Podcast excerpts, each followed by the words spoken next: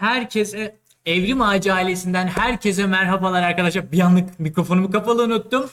Bu hafta yepyeni bir konu başlığıyla aynı zamanda nispeten böyle yepyeni bir disiplinle sizlerin karşınızdayız.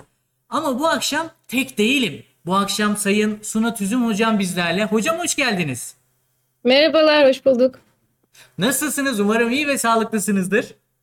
Gayet iyiyim, çok teşekkürler. Sizler nasılsınız? Biz de iyiyiz hocam. Çok ama çok teşekkür ederiz. Bugün çok ne derler e, derinlere dalacağımız e, birkaç konu işleyeceğiz sizde. Özellikle yapmış olduğunuz hali hazırda da bildiğim kadarıyla çalışmakta olduğunuz bir alanla alakalı, hidrobiyoloji alanıyla alakalı size birçok soru yönelteceğim. Umarım ki ne derler aslında benim nispeten böyle en çok heyecanlandığım yayınlardan bir tanesi çünkü ne derler şimdiye kadar böyle birkaç hocayla yayın yaptım ama aralarından en çok sizi e, en basit tabirle kıskandığımı söyleyebilirim. Olmak istediğim yerlerden bir tanesindesiniz hocam. Nautilus Life projesinde çalışmalar gerçekleştirmektesiniz. Bu akşam da hem sizin çalışmalarınız hakkında hem de Nautilus Life hakkında efendime söyleyeyim birçok soru sizi bekliyor. Ama tüm bunların öncesinde Sayın Doktor Suna Tüzün kimdir? Onu sizden duymak isterim hocam. Suna Tüzün bir hidrobiyologtur. Ee, tıpkı senin olduğun ya da olmak üzere olduğun gibi anladığım Hı hı. kadarıyla. Ee, ilk- yaklaşık iki sene önce e, İstanbul Üniversitesi Hidrobiyoloji'de doktoramı tamamladım. Ee, konum genel olarak e, beslenme, balıklarda beslenme biyolojisiyle ilgiliydi. Bu bu noktada özellikle lesepsiyen yani yabancı türlerle yerli türler arasındaki besin çakışmalarını, e, bunun üzerinden yabancı türlerin e, yerli türler üzerindeki etkisini e, incelemeye çalıştım e, Hı hı. uzmanlık alanı olarak. E, bunun dışında bugün konuşacağımız e, konu aslında Nautilus meselesi. E, 10 yıldır yaptığım yani her yaz e, ekibine dahil olduğum bir e, derin deniz keşif gemisi aslında. hı. Ama son iki senedir pandemi yüzünden gitmediğimi de şimdiden belirtmem lazım. Şu anda zaten sanırım gemi Los Angeles'ta demirlemiş durumda. Yanlış hatırlamıyorsam. En son haritasına baktım. Oralarda geziniyordu. Böyle geceleri açıyorum. Umarım belki gemi işte hareket etmiştir vesaire diye.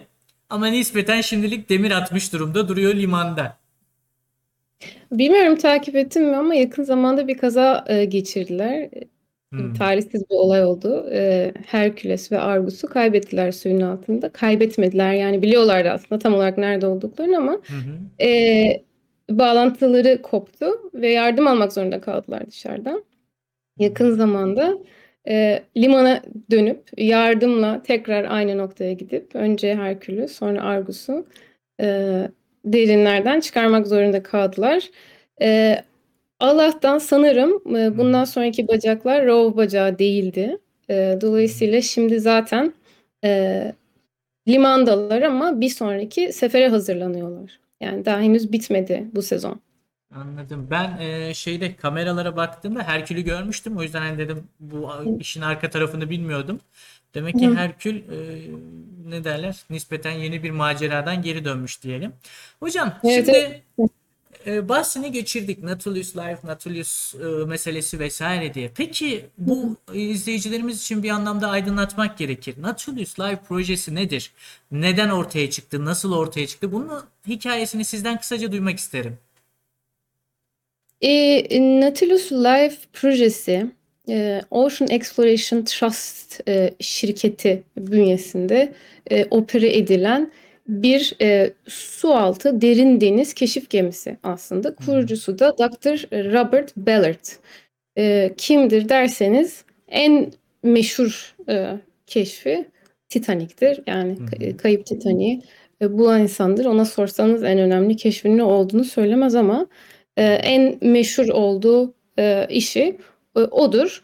E, dünyanın çeşitli yerlerinde e, çeşitli çok affedersiniz. Yok hocam Em, lütfen buyurun.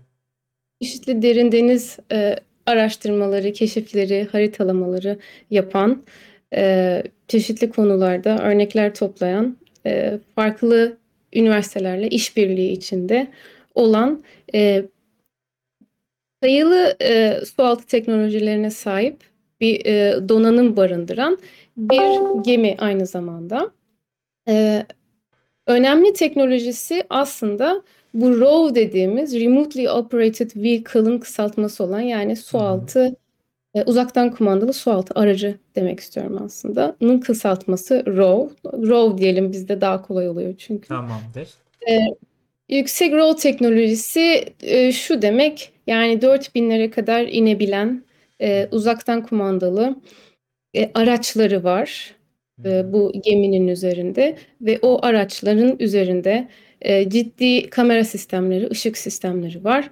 Dolayısıyla e, herhangi bir insanın inmesine gerek kalmadan gemiden kontrol edilecek şekilde e, ciddi derinliklere inebilen, oradan e, görüntü iyi kalitede görüntü alabilen, bunun yanı sıra örnek toplayabilen, çünkü rollardan bir tanesinin örnek toplama kolları, işte sensörleri, efendim çekmeceleri vesaireleri var.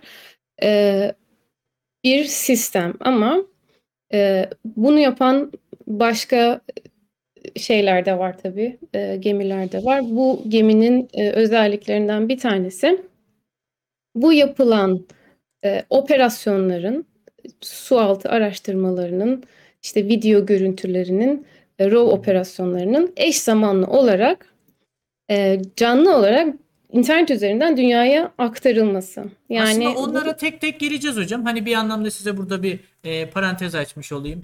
Onlara tek tek geleceğiz.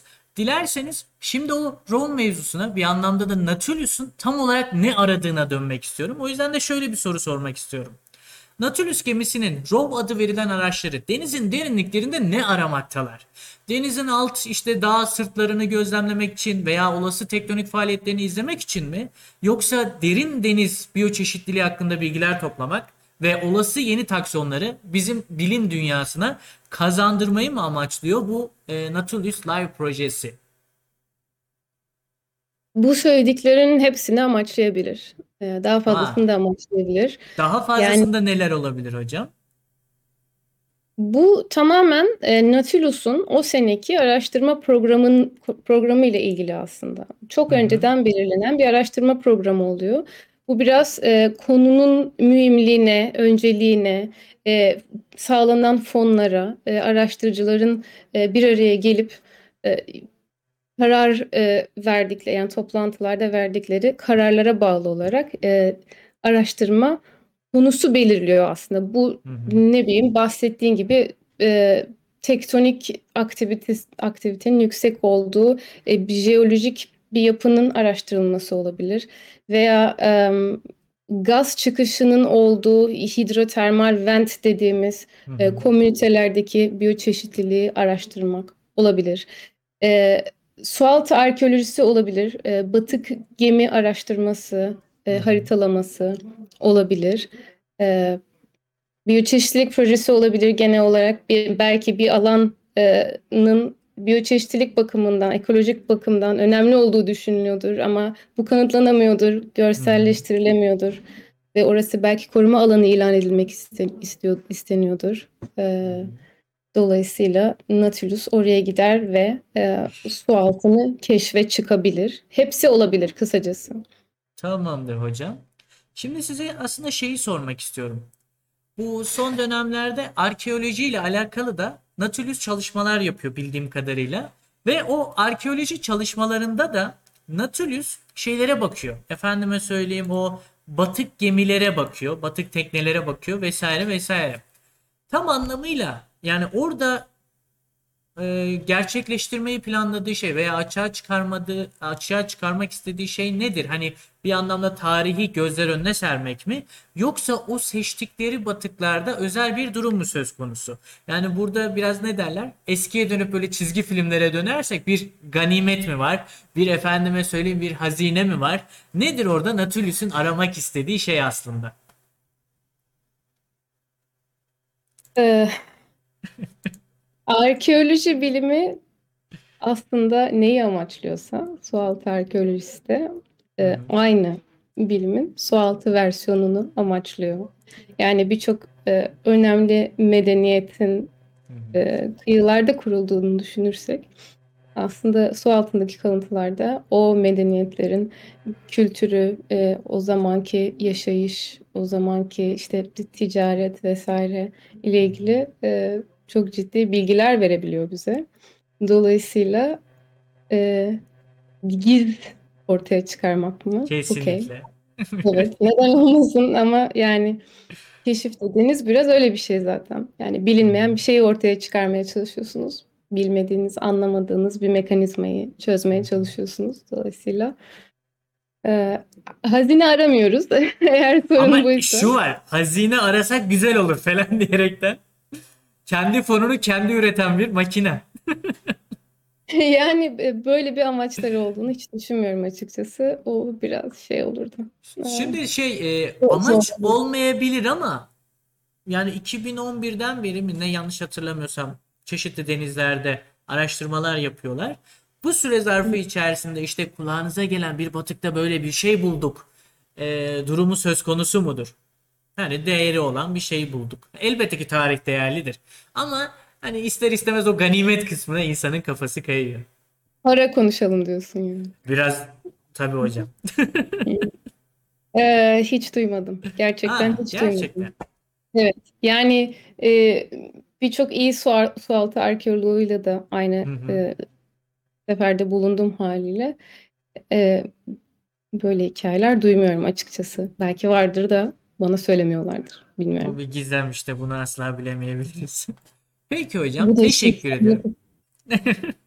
Şey diyecektim şimdi. Nautilus içerisinde pek çok çeşitli işte departmanlar söz konusu. Bu departmanlardan bir tanesi işte efendime söyleyeyim o birazdan da canlı yayınlarla alakalı spesifik bir soru soracağım. Canlı yayınları e, izleyenlerle buluşturan ne derler eğitmenlerin bulunduğu grup. Sizin sanırım içerisinde yer aldığınız efendime söyleyeyim araştırmacı grubu, teknenin komutu vesairesi, engineer'lar vesaire söz konusu. Tam olarak Hı. siz Nautilus'ta e, ne görevi üstlenmektesiniz? Yapmış olduğunuz iş nedir? Bunu sizden duymak istiyorum. Ben Nautilus'ta senin de dediğin gibi e, bilim ve veri departmanındayım aslında. Hı hı. E, benim yaptığım ya da yapmaya çalıştığım şey, e, görev, em, gelen e, bir amaç uğruna gelen bilim Hı insanlarının bir, e, belli bir e, veri toplama, bir örnek e, toplama, elde etme amacıyla gelen bilim insanlarının maksimum verimle o veriyi elde etmelerini sağlamak, organize etmek.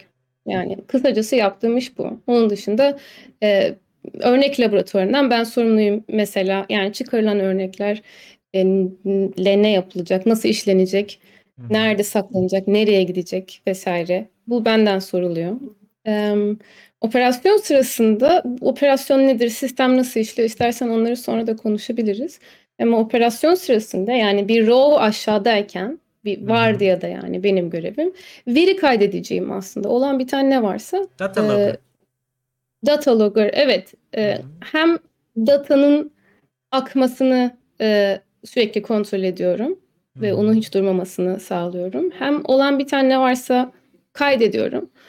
Ee, ya- alınan örneğin örneklerin e, nerelerden alındığına dair notlar alıyorum. Hem e, manuel olarak hem elektronik olarak. Ee, onun dışında fotoğraflar çekiyorum ve sonrasında e, dalışlarla ilgili bir rapor hazırlıyorum. Bir de işte örnekler var.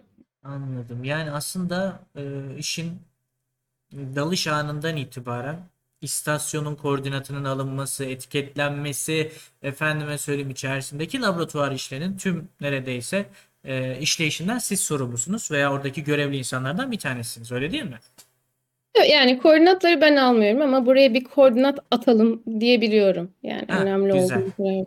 Tamamdır hocam. Şimdi ise Bu- duyamadım hocam. Lütfen tekrarlar mısınız? Ee, o kadar imkanımız var dedim. Yani aslında bir tıka bakıyor. Ee, Ya Şimdi bu- elbette ne derler? Şimdi biz hani e, karalarda yapmış olduğumuz hidrobiyoloji çalışmalarına baktığımızda e, gitmiş olduğumuz noktayı bazen keşifle belirleriz ya. Hani siz elbette ki öncesinden yapıyorsunuz. Hani biz de tıpkı sizin dediğiniz gibi buranın bir koordinatını alalım. Elbette ki biz de telefondan GPS'ten bakıyoruz ama nispeten hani görevler sayılırken insan bunu da sayıyor arada. Evet, haklısın. Şimdi ise o bahsini geçirdiğiniz şeye dönmek istiyorum. Nautilus'un yaptığı pek çok çalışmasını yani Nautilus yapmış olduğu pek çok çalışmayı canlı olarak çeşitli platformlardan halka açık bir şekilde yayınlamakta. Ve anlık olarak da geri dönüşler almakta. İşte sorular vesaire sorulabiliyor. Bilimin böylesine işte orijin noktasından direkt olarak halka aktarılmasını nasıl değerlendiriyorsunuz? Bu tür bir yaklaşımın karşı taraftaki etkilerini ölçümleyen bir çalışmanız oldu mu daha öncesinde? Yani evet biz sıfır noktasından bilginin elde edildiği noktadan alıyoruz. Direkt bunu efendime söyleyeyim izleyicilerle buluşturuyoruz. Ve bunu uzun zamandır da yapıyoruz.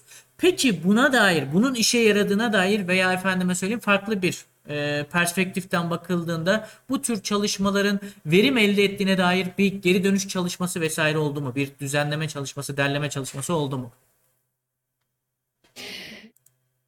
Verimden kastın daha fazla insana ulaşmak da zaman içinde e, bu konuda başarılı olduğumuzu biliyorum.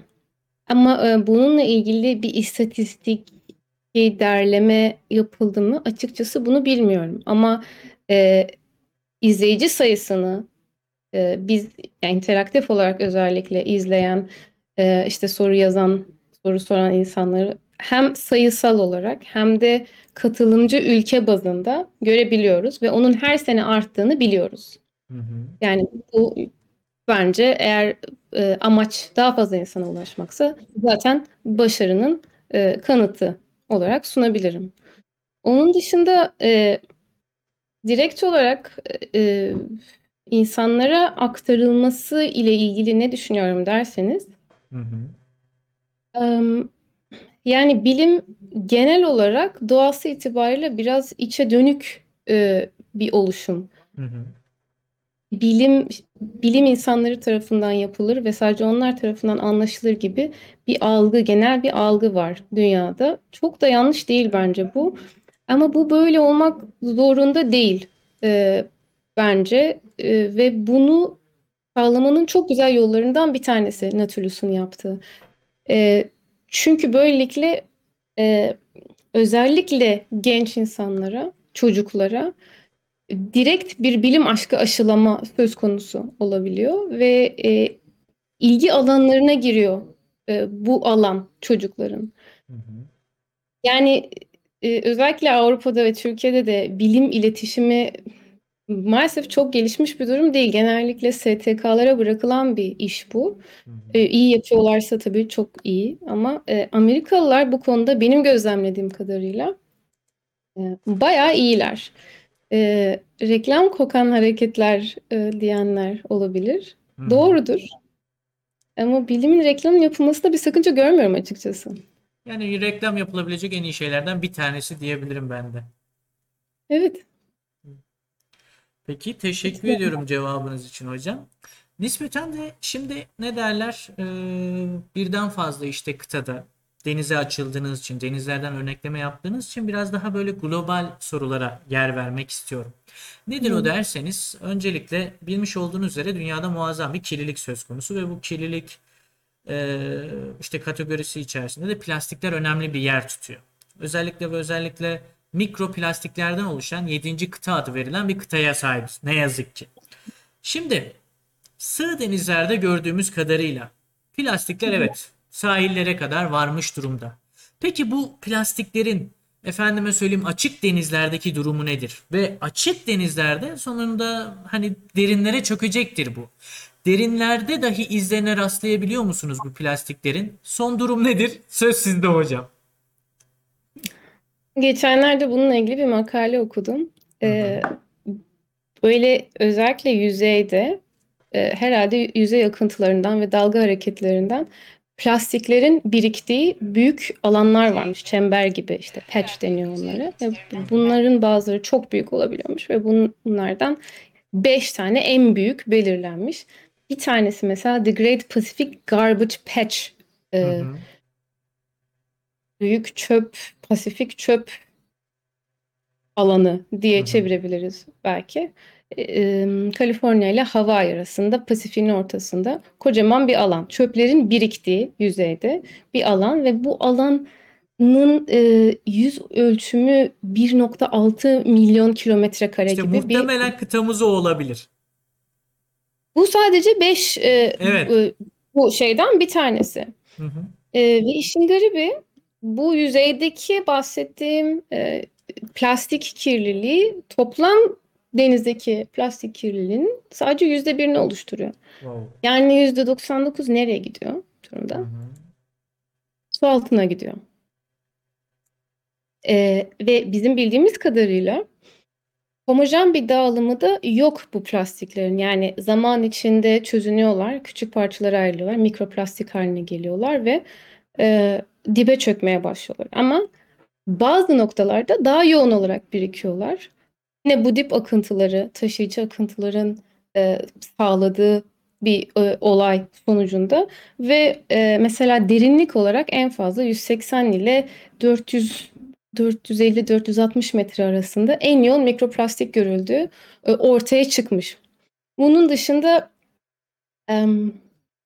belli hotspotlar belirlenmiş. Yani mikroplastik e, oranının en yüksek olduğu e, hotspotlar belirlenmiş. Yine taşıyıcı akıntıların götürdüğü yerlerden bahsediyorum. Bir tanesi de hatta Akdeniz'de, Tiren, Tiren Denizi'nde bulunmuş. Ve işin trajiği e, bu hotspotları, bu taşıyıcı akıntılar, e, mikroplastikleri aynı yere taşıyan akıntılar aynı zamanda besleyici organik maddeleri ve e, oksijen olarak yoğun suları da aynı yere taşıyorlar. Dolayısıyla e, aslında mikroplastikler biyoçeşitliliğin en yüksek olduğu ekolojik olarak anahtar denebilecek yerlerde birikmiş oluyor. Direkt olarak aslında bir anlamda ona da ben kapı açmak istiyordum. Siz açtınız çok çok daha güzel. Bu e, mikroplastiklerin hali hazırda yaygın olmuş olduğu yerlere baktığımızda biyoçeşitlilik üzerinde nasıl bir etkisi olduğunu bizlere aktarabilirsiniz. Nelerle karşı karşıya geldiniz ya da hali hazırdaki bilgilerinizden bunu bizlere söyleyebilirsiniz. Biyoçeşitlilik üzerindeki etkisinden şu anda bahsedebileceğimizi düşünmüyorum. Genel olarak e, birikimi yüksek olan canlılarda organların e, çalışma mekanizmalarını olumsuz etkilediğini biliyoruz sadece. Ama bunu bence yani uzun vadede değerlendirecek bir noktada henüz değiliz. E, bilgisayar yani veri toplanılan veri bakımından değiliz. Öyleysek de ben bilmiyorum. Çok pardon. Hocam. Ama şunu söyleyebilirim. E, yüzeylerdeki plastik Hı hı, oranı arttıkça hı hı. e, haliyle dipteki plastik, mikroplastik oranı, biriken plastik oranı da artıyor. Ve bu e, hayvanlar ve diğer canlılar üzerindeki dokularındaki birikim oranı da e, aynı şekilde artıyor. E, dediğim gibi uzun vadeli etkilerini bence yakında görmeye başlarız. Yani nispeten elimizdeki veri kısıtlı bir zaman dilimiyle ve bu zaman dilimi de oldukça küçük bir ölçekte yer almakta. Bu yüzden tam anlamıyla anlamlı bir veri veya işte jenerasyonlar boyunca izleyebileceğimiz bir durum nispeten şu an oluşmuş değil. Oluştuysa da henüz bilgi dahili içerisinde değil dediniz. Teşekkür Yani ediyorum tekrar. nispeten yeni bir alan olduğunu söyleyebilirim mikroplastik meselesi. Çünkü yani yakın zamana kadar bilmiyorduk plastiğin mikroplastik formunda dokularda birikebildiğini. Hı hı. Ne düşünüyorduk bilmiyorum. Tamamen yok olduklarını mı düşünüyorduk zamanla ama yani bu oldukça yeni belki 10-15 senesi var yani bu e, topiğin trend olması meselesinin. Burada kesinlikle e, şuna katılıyorum. E, bu böyle son birkaç senedir aslında halka ulaşmış durumda bir anlamda. Evet, e, bilim camiasında bir 10 senesi 15 senesi olabilir ama nereden baksanız şöyle birkaç senesi de bizlerin e, işte biliyor olmamız e, olan süre zarfı diyebilirim kısacası. Şimdi ise yine biyoçeşitlilikle alakalı bir soru sormak istiyorum ama bu sorum biraz daha onların görünüşleriyle alakalı. Şimdi Hı. hali hazırda biz karalarda sığ sularla karşı karşıya kalıyoruz ve sığ sulardaki canlıları da az çok hani tahmin edebiliyoruz. İşte nasıl görüneceğine dair, nasıl şekilleri olduğuna dair. Derin denizler ise bambaşka dünyalar. Görmediğimiz belki de birçok canlının e, yaşadığı diyarlar. Hal böyle olunca insan sormak istiyor. Acaba diyor benim sığ sularda gördüğüm canlılarla derin denizlerdeki mesela hayvanlar, bitkiler elbette ki bakterileri göremiyoruz ama bakteriler de aynı yaşayış şekline mi sahip, aynı görünüşe mi sahip? Bunu sizden öğrenmek istiyorum. Ee, hayvanlar için konuşabilirim. Makro e, e, Nasıl hayvanlar isterseniz için. hocam. Gözle görebildiğimiz hayvanlar için konuşuyorum. Bitkilerden konuşamam çünkü ışık yok suyun altında. Dolayısıyla bitkiyle karşılaşmıyoruz.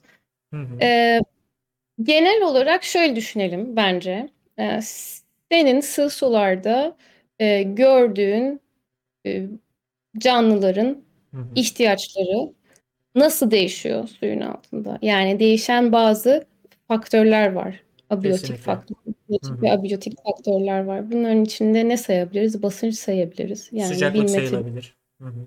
1 metredeki basınçla e, bir 3 metredeki basınç birbirinden çok farklı biliyorsun. Her 10 metrede bir atmosfer basınç hı. değişimi oluyor suyun altında.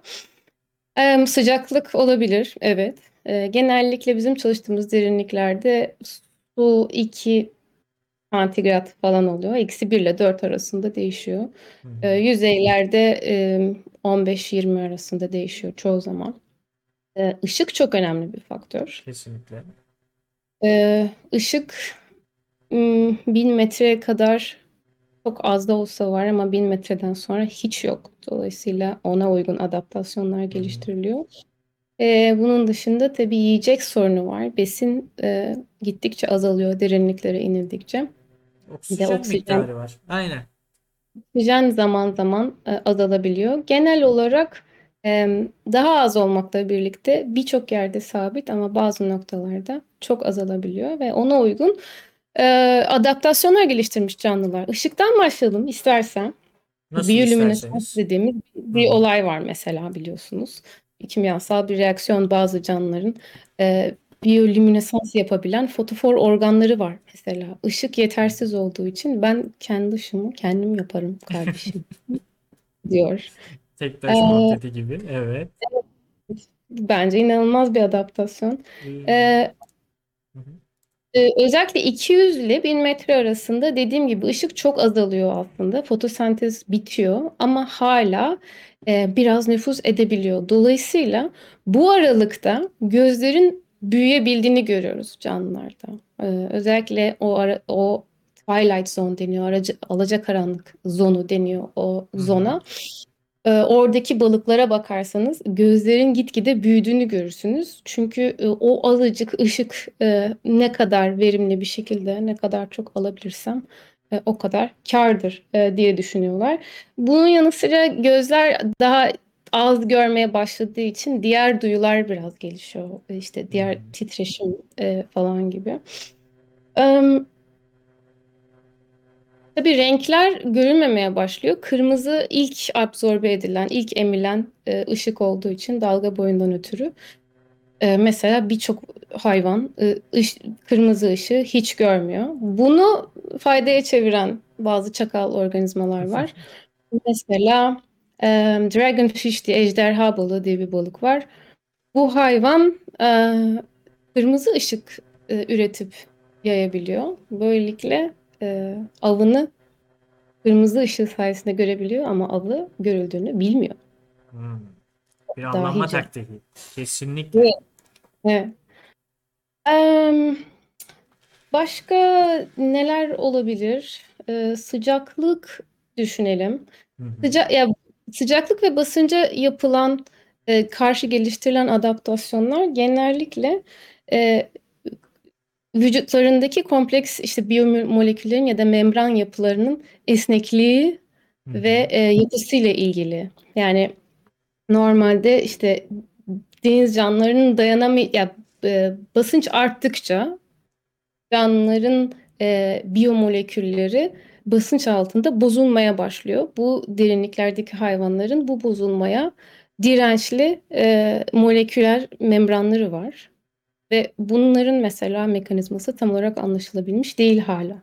Hı hı. Aynı şey sıcaklık için geçerli. Ee, sıcaklık düştükçe e, özellikle lipid yapıdaki bazı membranların e, katılaşıp sertleşmesi beklenir.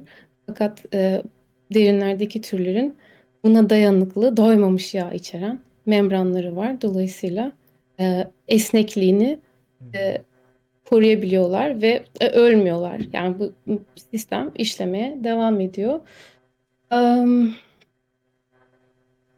besin e, çok daha az dedik e, derinlerde. Hı hı. E, dolayısıyla özellikle bazı balıklarda ağzın çok büyüdüğünü görüyoruz. O da e, ağzın çok büyüdüğünü, dışa çıkabildiğini ve dişlerin böyle içe doğru Zombi köpek balığı tasviri geldi biraz. Patlıcan gibi kapanabildiğini görüyoruz. Bu da yani zaten 40 yılda bir yiyecek bulacağım. Hani onu kaçırmayı göze alamam e, mantığı aslında. Çok büyüyen esnek e, mideler söz konusu ve çok geniş bir ağız söz konusu. E, büyüklüğü ne olursa olsun yutamayacağım bir şey bile olsa e, belki uzun süre bulamayacağım. Dolayısıyla ben bunu yerim e, kafası diyeyim. E, onun dışında birçok hayvan e, şey organik ölü organik e, maddelerle yerdeki hı.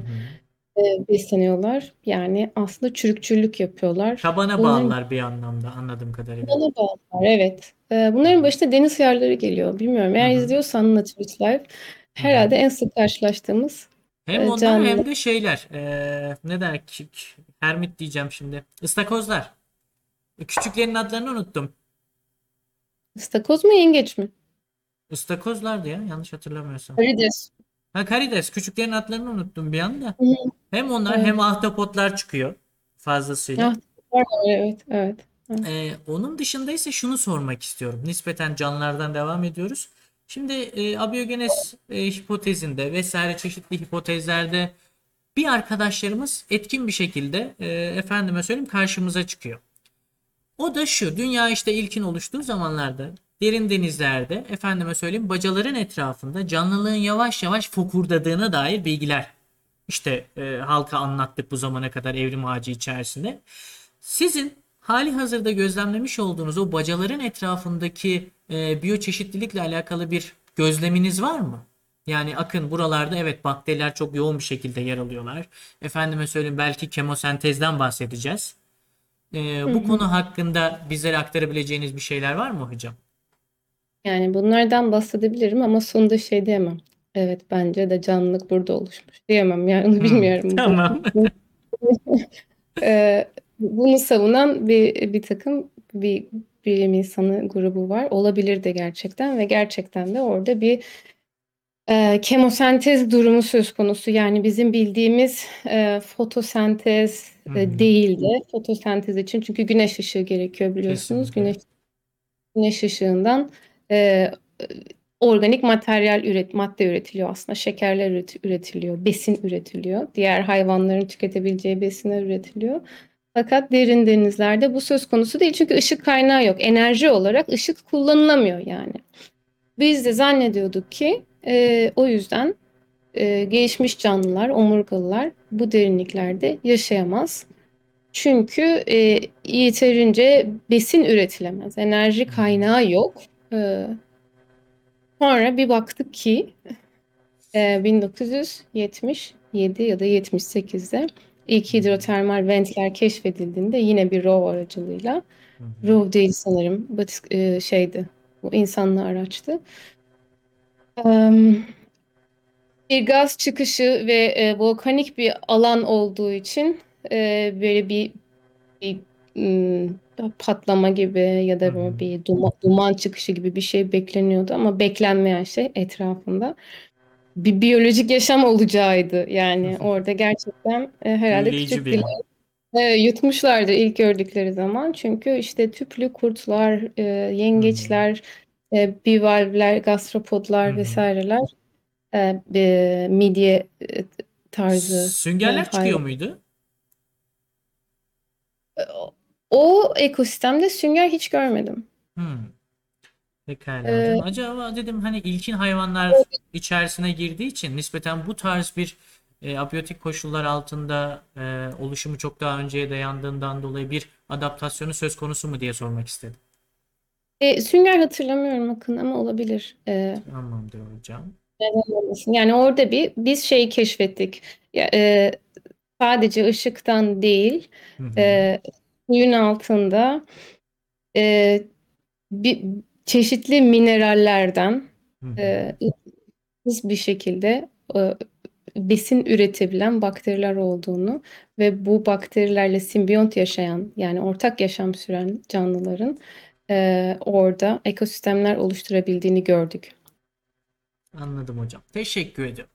Şimdi ise şunu sormak istiyorum. Yine o global anlamdaki ne derler? Bir anlamda duyar kasmak gibi de gelebilir bazen ama bu günümüz sorunlarından bir tanesi.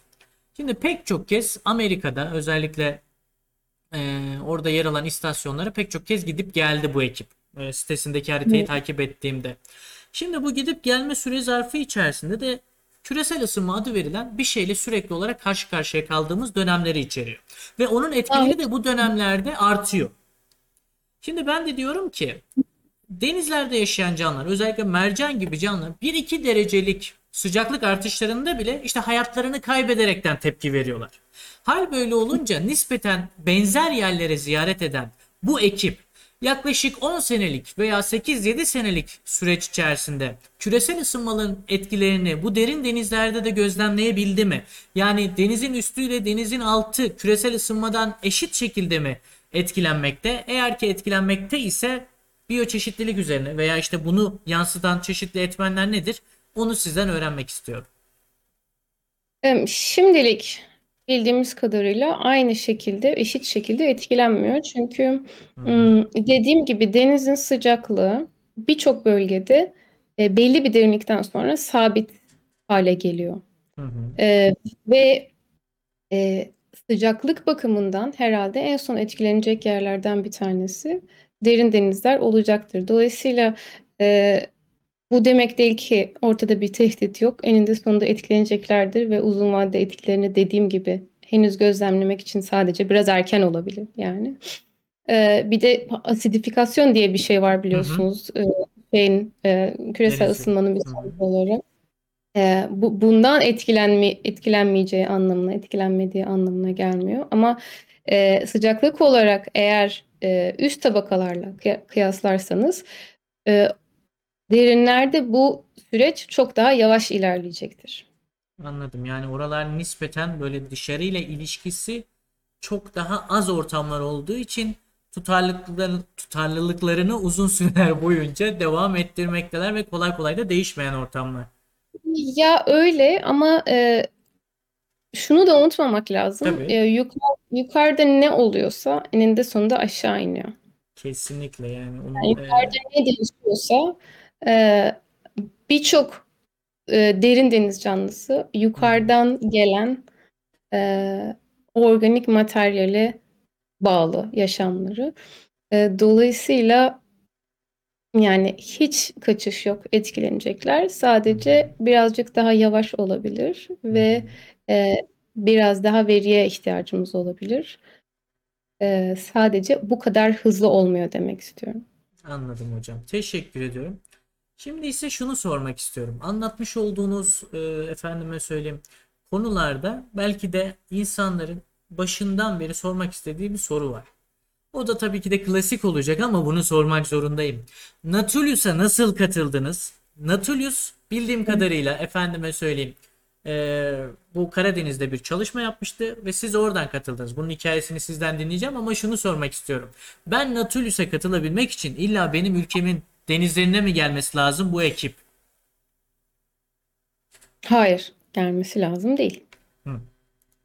Teşekkür ederim. İyi akşamlar. İyi akşamlar. Ee, istersen önce benim nasıl katıldığımdan Tabii ki bahsedeyim. hocam. Nasıl istersen. Çünkü senin katılman aynı şekilde olmayacak. Hı hı. Eğer katılırsan bir gün. Ee, 2010 senesinde e, o, o zamanlar Nautilus Türkiye suları dahil Akdeniz sularında seferler gerçekleştiriyordu. Hı hı. Ee, 2010-2012 arası evet. Hatta 2009'da da gelmişler ama onda o zaman benim haberim yoktu. Ve e, genel olarak Türkiye'deki deniz bilimleri endüstrisinde bir çağrıda bulunmuşlar. Ee, biz sizin sularınızda araştırmalar, keşif e, seferleri yapacağız. Ee, bu sisteme dahil olmak isteyen, araştırmaya katılmak isteyen hı. araştırıcılar, genç araştırıcılar vesaire varsa e, dahil etmekten mutluluk duyarız diye. Bu çağrı benim o zaman, ben o zamanlar yüksek lisans yapıyordum. O zamanki yüksek lisans danışmanıma da geliyor ve bana soruyor gitmek ister misin diye. Böyle bir şeye. Ben de tabii ki isterim diyorum. O zaman yani eşyalarını topla çünkü yarın Antalya'dan gemiye binmen gerekiyor Wow. diyor. Ben de öyle yapıyorum yani e, kendimi.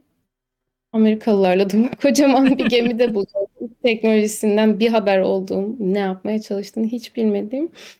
Ee, o ilk gidişimdi 2010'da. Orada sanırım iki hafta bile kalmadım yani herhalde. Bir 10 gün falan da dahil Hı hı. oldum. Ama em, ekibe iyi dahil olabildim, bir işe yarayabildim. Ee, çaba sarf ettim. Yani hem sistemi anlamak için hem de e, dahil olabilmek için iyi de bağlantılar kurduk ve bir sonraki sene geldiklerinde artık direkt benimle iletişime geçtiler. Biz yine geldik. E, bu defa biraz daha uzun kalacağız. E, yine katılmak ister misin diye ben de tabii dedim.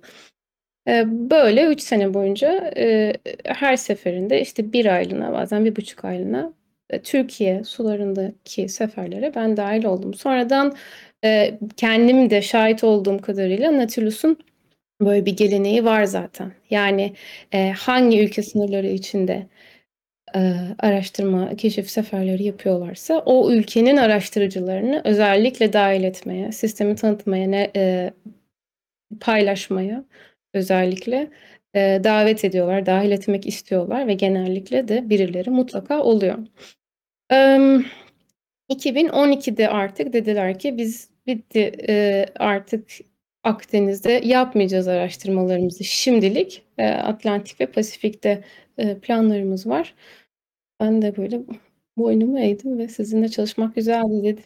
Sonra ertesi sene yine aradılar ve dediler ki e, biz Meksika Körfezi'ndeyiz bu sene. Hı hı. Karayip Denizi'nde olacağız şu dönemler arasında. Gelebilir misin? Ne zaman gelebilirsin? E, gelirim dedim. Çağırın. Kaç gündür bunu bekliyorum. Neredesiniz be? Niye gelmeyeyim yani Karayip olabilir falan dedim. Ee, böyle böyle 10 sene boyunca e, on, hem onlara hem bana uygun olan bir dönemde e, bir aylığına iki aylığına ben gemi her neredeyse oraya gidip ekibe dahil oldum. Hı hı. Ee, şimdi normalde e, ekibe dahil olma süreci böyle ilerlemiyor. Özellikle o yüzden anlattım bu hikayeyi. Ee, bu tabii biraz olayın başlarıydı aynı zamanda. Yani e, Ekip geminin oluşuyordu bir anlamda. oluşuyordu. Ee, geminin sistemi yeni oturuyordu. Çok Hı dinamik bir süreç içindeydi vesaire. Ve e, en başından beri ben e, tesadüfen bu işin içinde olduğum için de otomatik olarak e, core ekibin bir parçası haline geldim. E, fakat şimdi stajyer programları var ve e, bunlar e, seferler başlamadan çok önce açılıyor. Hı hı. Bunlara başvurmanız gerekiyor. Yani dışarıdan başvurmak isteyen birisi dünyanın neresinde olursa olsun yapılabilir. Her yerden açık başvurular. An- bildiğim kadarıyla bir form doldurmanız gerekiyor. O form bu arada çok başvuru var. Ee, bu konuda yalan söylemeyeceğim. Çok seçici olma lüksleri var bu konuda.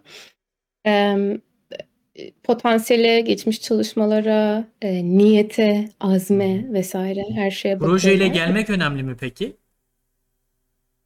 E, e, en azından ne yapmak istediğinize, niye Tamam. dahil olmak, neden ve neye dahil olmak istediğinize e, karşı ciddi bir fikriniz e, dair ciddi bir fikriniz olması gerekiyor.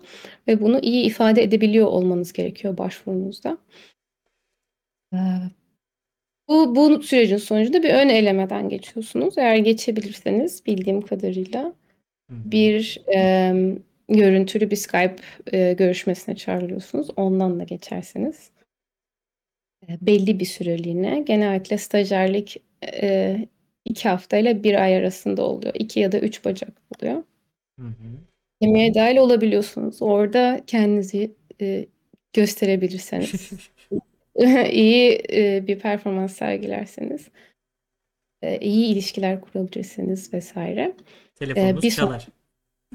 evet bir sonraki sene tekrar davet ediliyorsunuz. Süreç biraz böyle işliyor. Gayet güzel. Teşekkür ederim hocam. Nispeten ben de notlarımı aldım.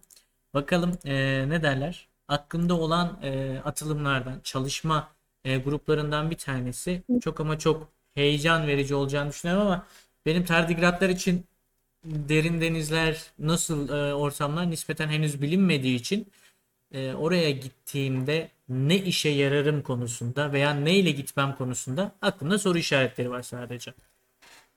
Ben uygun olabileceğini düşünüyorum. Birazcık bakmak lazım o meseleye. Şöyle potansiyel olarak dayanıyorlar. Fakat e, sucul e, ekosistemlerde görülme sıklığı az. O yüzden hani şimdi yaparız çalışma iyi güzel ama bulamazsam çok üzülürüm. Nispeten Yani öyle. evet. Hı hı. Bir de şöyle bir şey var. Hmm,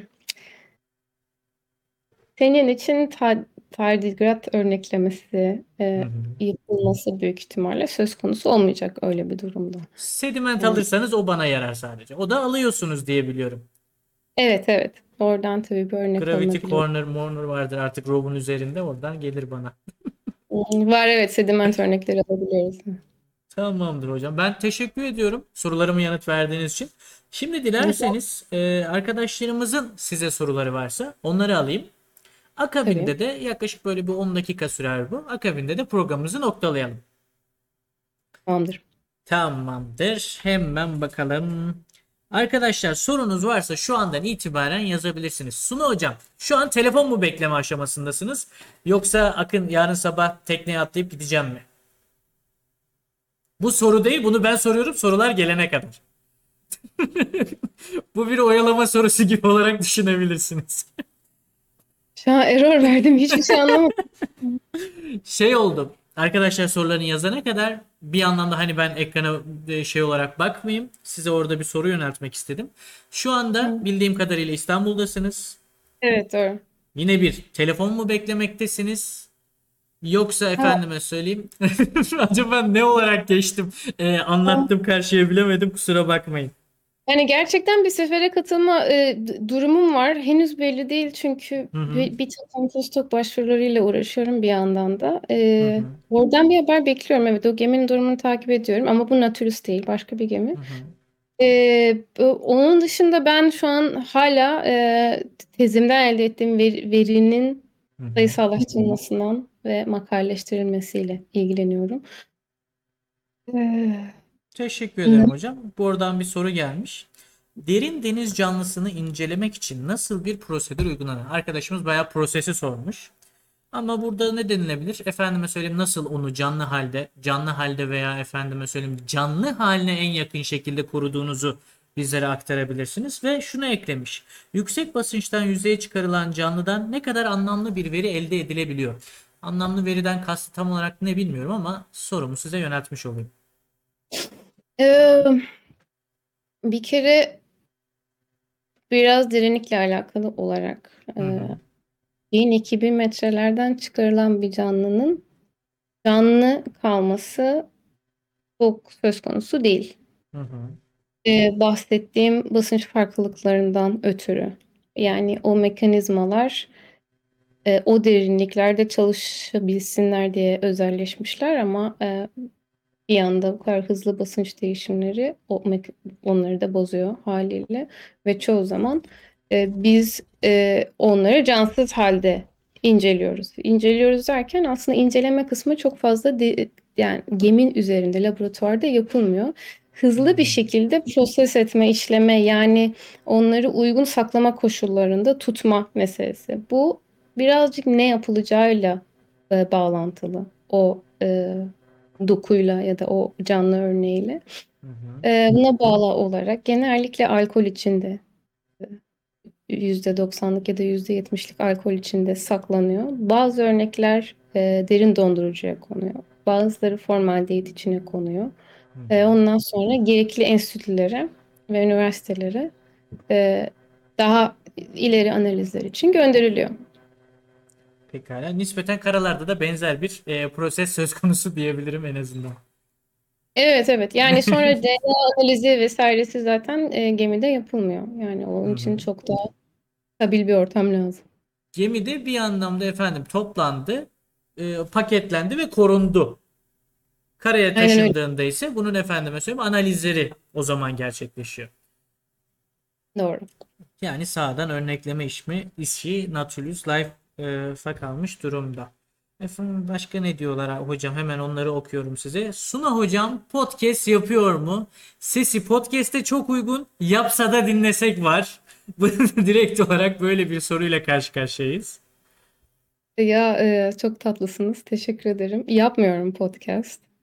E, hiç öyle bir hmm, planım yok Ama açıkçası. Suna'nın seyir defteri falan diyerekten ve kaptanın seyir defteri diyerek bir efendime söyleyeyim podcast'in önü açılabilir bence. Ne dersiniz? Denizde geçen günlerim. Belki çok ileride. Pekala. Yalnız ve depresif günlerimde. Hı hı. Şimdi e, şöyle bir şey söyledik az önce. Nispeten bunların analizleri efendime söyleyeyim karalarda gerçekleşiyor. O zaman şunu düşünmek yanlış olur mu? Moleküler biyologlar için nispeten bir çalışma imkanı söz konusu değil Nautilus'ta.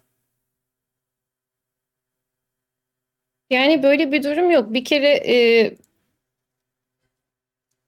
herkes için bir çalışma imkanı olabilir. Ben moleküler biyoloğum. Sadece örneklerin işlenmesiyle ilgileniyorum ve benim yapacağım hiçbir şey yok Nautilus'ta derseniz evet yani o zaman e, o örneğin geleceği belki üniversitede olmanız, e, enstitü olmanız biraz daha mantıklı olabilir. Ama Hı hı. e, şunu da e, unutmamak lazım. Birçok bilim insanı e, özellikle bu seferlere katılmak istiyorlar. Çünkü e, onların ne istediğini, nereden istediğini onlardan daha iyi hiç kimse bilemez. Dolayısıyla anlık olarak görüntüde burası en uygun yer, buradan e, alalım. E, buradaki sıcaklık, buradaki ortam uygun benim örneğim için. Sonra bir de şuradan işte kontrol olsun diye bir kontrol örneği alalım vesaireyi en iyi yönlendirme bizzat o an e, odanın içinde e, o bilim insanı olursa gerçekleşiyor. O yüzden bizim için e, gerçekten ne istediğini bilen birilerinin ortamda olması çok önemli. Anladım. Teşekkür ediyorum hocam. Şöyle nispeten e, sorulara baktım. Ağırlıklı olarak hali hazırda cevabını vermiş olduğumuz sorular. Hı hı. Bu yüzden e, bu güzel akşam için size çok ama çok teşekkür ederim.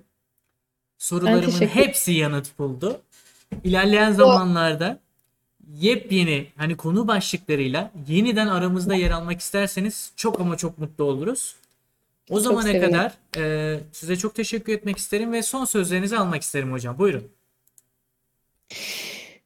Son söz bu şey e, Gidiyorum arkadaşlar ben. Bunun gidişi var dönüşü yok. ulusa sesleniş gibi mi? Kesinlikle hocam. Em, bu e, alana ilgi duyan arkadaşlara, genç arkadaşlara belki bir iki bir şey Hı söyleyebilirim. hı. Ee, o kadar da yaşlı değilim ama olsun. Ee, bir kere e, İngilizce meselesi çok önemli. Ee, bilim dili, hangi bilim dalını ilgi duyuyorsanız duyun, İngilizce. Ve Ondan hiç kaçış yok. Dolayısıyla o meseleyi ne kadar erken halledebilirseniz o kadar iyi olur. Gerçekten hemen şimdi başlayın bence. Çünkü e, hem çok iyi okuduğunuzu anlayabilmeniz, hem çok iyi yazabilmeniz hem de e, iletişim kurabilmeniz gerekecek. E, onu ertelemeyin bence. E, ve güncel kalmaya çalışın. Özellikle üniversitedeyseniz. E, bence e, sadece ders notlarıyla yetinmeyin. Hı hı. Çok fazla, çok ilginç e, kaynak, video vesaire var internette. E, çok güzel kitaplar var. E, onlarla biraz genişletin bence. E, sen kalın. Esen kalın, hoşça kalın dedi hocamız son olarak. Hocam teşekkür ederim. Daha zaten e, ne derler? Arkadaşlar Natulius'la alakalı bayağı Natulius 101 tadında çok güzel bir söyleşiyle karşı karşıya kaldılar. Bundan sonra tamamen onların meraklarıyla alakalı bir e, yol izleyecekler. Biz Evrim Ağacı ailesi olarak ve şahsım adına size çok ama çok teşekkür ederiz. Olası Ben olası yepyeni konu başlıklarında yeniden sizi burada ağırlamak dileğiyle. Şimdilik size iyi akşamlar dilerim ve programı kanıt, e, kapatmak adına e, size şimdilik veda ediyorum ve arkadaşlarımızla tek başıma kalacağım. Hoşçakalın şimdiden. İyi akşamlar. Çok teşekkürler. İyi akşamlar hocam. Arkadaşlar herkese yeniden merhabalar. Bu akşam Suna Tüzün hocamızı ağırladık ve nefis bir akşam oldu tabiri caizse. Şimdi ise kapanışa geçeceğiz maalesef ve maalesef. Fakat bu hafta sonu da e, bir programımız olacak sizlerle. Doğa bilimlerinde kodlama adı altında İsmail Beker hocamız bizlerle olacak. Onu da kaçırmayın. Zaten efendime söyleyeyim çeşitli platformlardan bunun duyurusunu yapacağız. Çeşitli platformlar demişken bir anlamda reklamımızı da yapalım. Artık reklamlar kısmı gelsin. Arkadaşlar Evrim Ağacı ailesi olarak bilim iletişimi alanında Türkiye'de pek çok çalışmamız gerçekleşiyor ve pek çok çalışmamızı e, destekleyerek siz de bir anlamda ileriki zamanlarda bu bilgileri edinmek isteyen arkadaşlarımıza bizleri buluşturabilirsiniz. Bunun için Patreon hesaplarımız var. Twitch hesabımızda e, subscribe butonumuz var ve aynı şekilde YouTube'da katıl butonumuz var. Onlara basarak onlarda ilgili miktarları seçerek bizlere destek olabilirsiniz. Bunun dışında sadece bizi izleyerek dahi destek olmanız söz konusu. Bizleri YouTube'dan, Instagram'dan, Twitter'dan aklınıza gelebilecek herhangi bir yerde e, rahatlıkla bulabilirsiniz.